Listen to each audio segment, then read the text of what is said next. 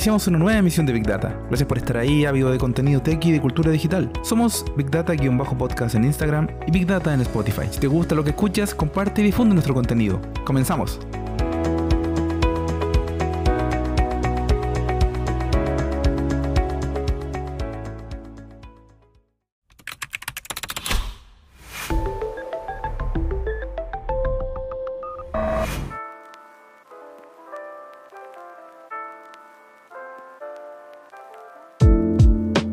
Hola, ¿qué tal? Bienvenidas y bienvenidos a Big Data en su capítulo número 13 este jueves 6 de agosto de 2021. Seguimos aquí para contarte lo más interesante de la tecnología, de la ciencia y de la cultura digital que encontramos durante esta semana.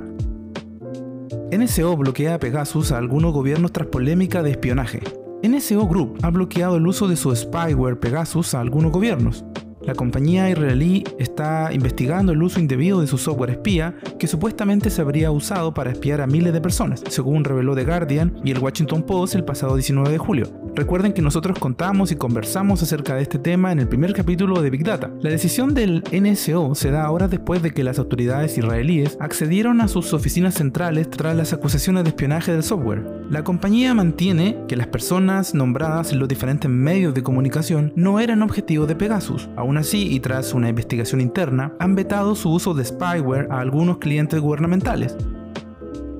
Estamos investigando a varios de nuestros clientes y hemos suspendido a algunos temporalmente, confirmaban desde NSO. Eso sí, no mencionan cuáles han sido bloqueados, dado que las regulaciones de defensa israelíes lo prohíben. No es la primera vez que NSO Group bloquea el acceso de Pegasus a sus clientes. La firma israelí ha confirmado que durante los últimos años el software se ha suspendido a cinco agencias gubernamentales, entre ellas las pertenecientes a Arabia Saudita, Emiratos Árabes Unidos o algunas delegaciones de México. Pegasus es un software de espía que NSO vende a otros países como una herramienta para evitar la delincuencia y el terrorismo. No obstante, esta solución ha sido foco de polémica en multitud de ocasiones por el mal uso de algunos gobiernos que lo adquirieron en un principio para proteger a la ciudadanía. Una reciente investigación desarrollada por medios de comunicación desveló que responsables políticos lo utilizaron para generar una lista negra de hasta 50.000 objetivos, en su mayoría defensores de los derechos humanos como periodistas, activistas políticos, entre otros.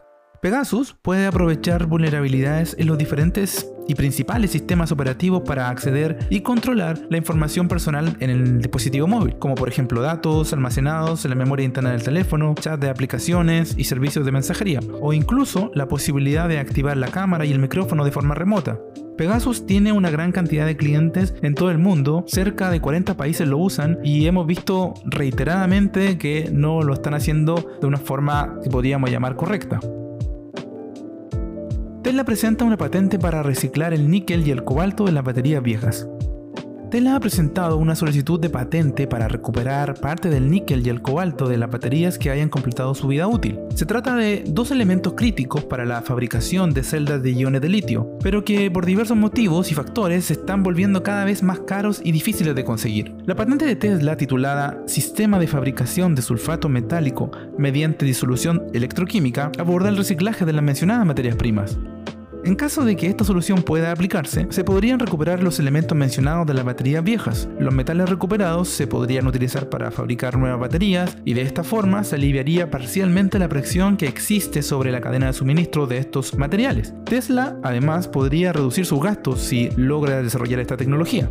Los sulfatos de níquel y cobalto se utilizan como materias primas para materiales de cátodos de baterías de iones de litio. A veces es difícil o caro comprar productos de sulfato metálico en el mercado debido a su disponibilidad limitada, afirma el documento. En esta línea, Tesla quiere colocar las celdas de baterías en un recipiente de baño electrolítico. Se usaría, además, ácido sulfúrico relativamente diluido en un dispositivo de disolución electroquímica con un ánodo y un cátodo. Esto permitiría sintetizar un compuesto de sulfato metálico a partir de los cátodos.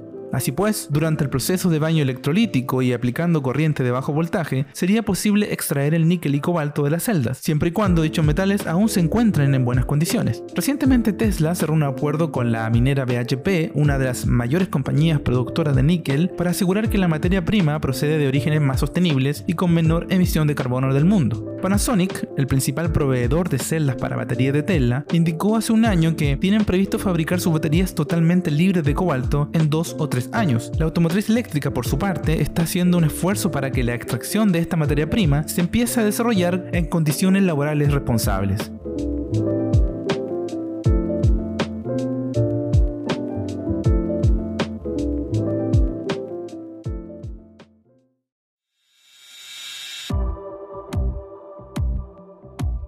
Amazon recibe una multa récord en Europa por violar la privacidad de los usuarios. Amazon sufre un nuevo golpe en Europa dado que ha recibido una multa récord por supuesta violación a la privacidad de los usuarios al incumplir el Reglamento General de Protección de Datos de la Unión Europea. El castigo llega por parte de la Comisión Nacional de Protección de Datos de Luxemburgo, según informó la propia compañía estadounidense. De acuerdo con Bloomberg, la compañía dirigida por Andy Jassy debe afrontar la multa más elevada que se aplica bajo las leyes europeas de protección de datos. La cifra es de nada más y nada menos que 746 millones de euros, aunque la autoridad luxemburguesa no ha confirmado públicamente este monto. El hecho se conoció a través de la propia Amazon, dado que la compañía se refirió a la multa en la presentación del formulario 10Q frente a la Comisión de Bolsa de Valores de Estados Unidos. The Verge accedió a la documentación y remarcó que el fragmento en el que Amazon hace referencia a la multa. El 16 de julio de 2021, la Comisión Nacional de Protección de Datos de Luxemburgo emitió una decisión contra Amazon Europa alegando que el procesamiento de datos personales por parte de la misma Amazon no cumplía con el Reglamento General de Protección de Datos de la Unión Europea. La decisión impone una multa de 746 millones de euros y las correspondientes revisiones prácticas. Creemos que la decisión de la CNPD, por sus siglas en inglés, carece de y pretendemos defendernos enérgicamente en este asunto, ha mencionado Amazon. La multa recibida es una clara muestra de que la compañía está permanentemente bajo la lupa de las autoridades. En este caso, la intervención de la Comisión Nacional se da porque la firma tiene su sede europea en Luxemburgo. Recordemos que en 2019 la Comisión Europea abrió una investigación antimonopolio contra Amazon, mientras tanto en España también se ha comenzado a investigar a la empresa por posibles prácticas anticompetitivas. En relación a la multa impuesta por supuesta violación a la privacidad de los usuarios, Amazon anunció que apelará al castigo emitido y ha mencionado lo siguiente, estamos totalmente en desacuerdo con la decisión y tenemos la intención de apelar. La decisión relacionada a cómo mostraremos a los clientes nuestra publicidad se basa en interpretaciones subjetivas y no probadas de la ley de la privacidad europea, manifestó la compañía a través de The Wall Street Journal, agregando que la multa propuesta es totalmente desproporcionada incluso bajo dicha interpretación. Investigadores crean un implante que produce insulina para diabetes tipo 1. La Universidad Rice creó un implante en 3D que produce insulina para la diabetes tipo 1 como resultado de tres años de investigación en conjunto con la Diabetes Research Foundation. Los científicos liderados por Amit Weiss y Jordan Miller utilizaron células beta productoras de insulina a partir de células madre humanas para crear el implante. Este detecta y regula los niveles de glucosa en la sangre respondiendo con la cantidad de insulina necesaria.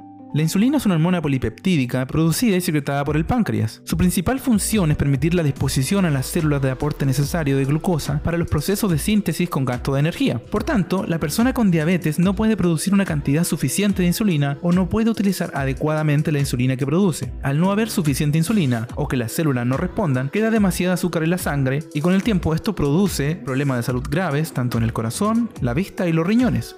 Cuando la diabetes es tipo 1, el cuerpo no puede producir insulina. Si es tipo 2, el cuerpo no usa la insulina adecuadamente, imposibilitando el mantenimiento del azúcar en la sangre a niveles normales. Tanto Weiss como Miller han trabajado durante casi 15 años con biomateriales y técnicas de impresión de tejidos en 3D. Si realmente queremos recapitular lo que el páncreas hace normalmente, necesitamos vasoculatura, señala Weiss. Ese es el propósito de este estudio. El páncreas tiene naturalmente todos estos vasos sanguíneos y las células se organizan de manera particular en el la meta de los científicos es demostrar que su implante puede regular adecuadamente los niveles de glucosa en la sangre. Trabajarían inicialmente con ratones diabéticos por al menos 6 meses. Las células productoras de insulina estarían protegidas por una formulación de hidrogel desarrollada por Bayes. El material que ha demostrado ser eficaz para encapsular tratamientos celulares en esferas de tamaño de una perla cuenta con poros pequeños con el fin de evitar que las células de su interior sean atacadas por el sistema inmunológico. Si bien el camino aún es largo, este primer paso es esperanzador para los pacientes con diabetes tipo 1.